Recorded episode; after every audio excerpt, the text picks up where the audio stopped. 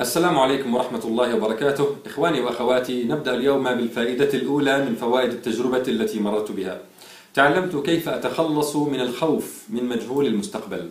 لماذا يخاف الناس عادة ويقلقون؟ لأن المستقبل مجهول بالنسبة لهم. هذا الخوف ينغص على أهل الدنيا سعادتهم مهما كان عندهم من نعيم الدنيا لأنهم يخشون أن يزول هذا النعيم وتتبدل الأحوال. صاحب المال قد يفتقر صاحب الصحة قد يمرض مرضا مزمنا. الآمن قد يروع. المحب لإنسان حبا شديدا قد يموت حبيبه. إذا تريد أن تعرف كيف تتخلص من الخوف من مجهول المستقبل؟ ببساطة اتخذ قرارا بالرضا عن القدر مهما كان. الآن اتخذ هذا القرار وقل اللهم أسلمت نفسي إليك فرضني بقضائك أيا كان والطف بي يا رب العالمين. كلما جاءك هاجس الخوف من المجهول جدد العهد والوعد بأن ترضى وثق في معونة الله تعالى لك. إذا فعلت ذلك فلن تخاف من المستقبل لأنه ما عاد مجهولا بل أصبح صفحة مكشوفة لك. كيف؟ ببساطة أنت الآن بعد اتخاذ هذا القرار على يقين بأن كل ما يحصل هو لخيرك ومصلحتك. ألم يقل النبي صلى الله عليه وسلم عجبا لأمر المؤمن إن أمره كله له خير وليس ذلك لأحد إلا للمؤمن.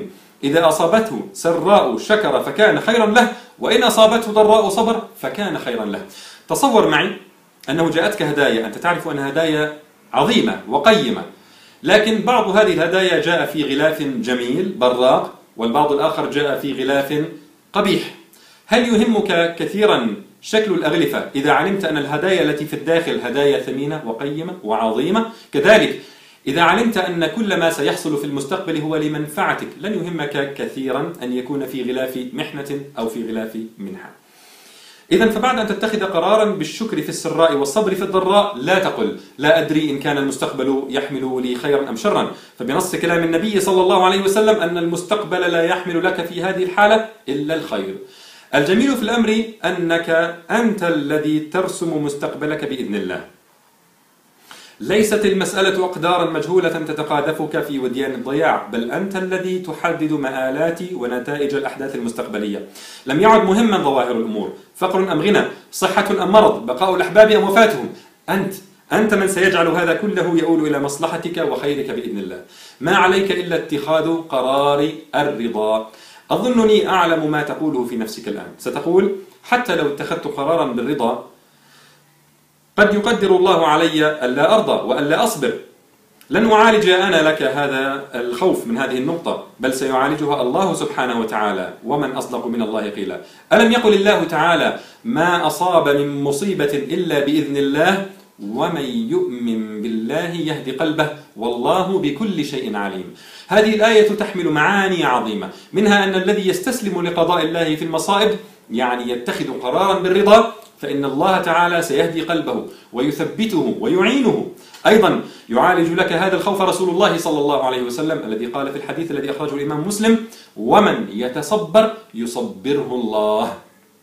إذا بادر أنت واتخذ القرار ولا تقل قد يقدر الله علي بعد ذلك ألا أصبر. فإن تصبرت فالله تعالى أحلم وأرحم من أن لا يصبرك. قد تقول أحاول أن أتخذ القرار بالرضا لكن أحس بعدم الصدق في ذلك لأني أخاف أن يكون البلاء شديدا لا يمكنني تحمله. سنتعاون على التخلص من هذا الخوف أيضا عندما نتأمل اسم الله الحكيم واسمه المعين في الحلقات القادمة بإذن الله تعالى. قد تقول أنا الآن أستطيع اتخاذ القرار لأني أحب الله تعالى لكن إذا ابتلاني بلاء عظيما فأخشى أن تتأثر محبتي لله. سنتعاون أيضا إن شاء الله تعالى على إعادة بناء محبتنا لله عز وجل على أسس سليمة كي يطمئن قلبنا إلى معية الله ومعونته مهما كانت الظروف.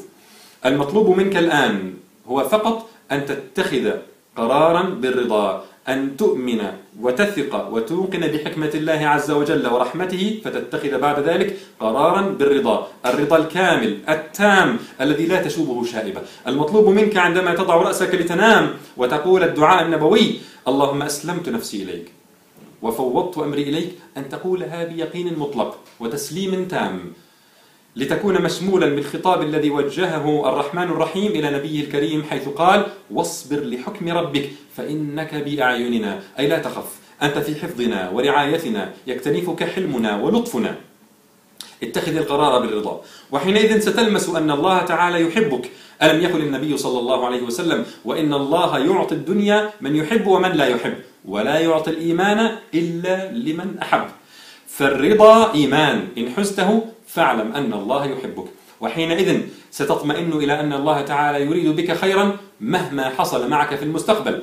فهل من المعقول أنه يبتليك ويرضيك لأنه يريد بك شرا؟ لا والله.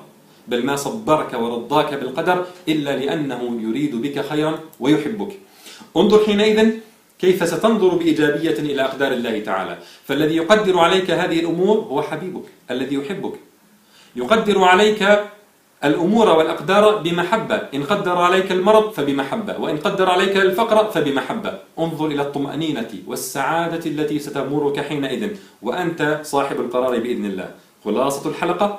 اتخذ قرارا بالرضا لتتخلص من الخوف إلى الأبد. والسلام عليكم ورحمة الله وبركاته.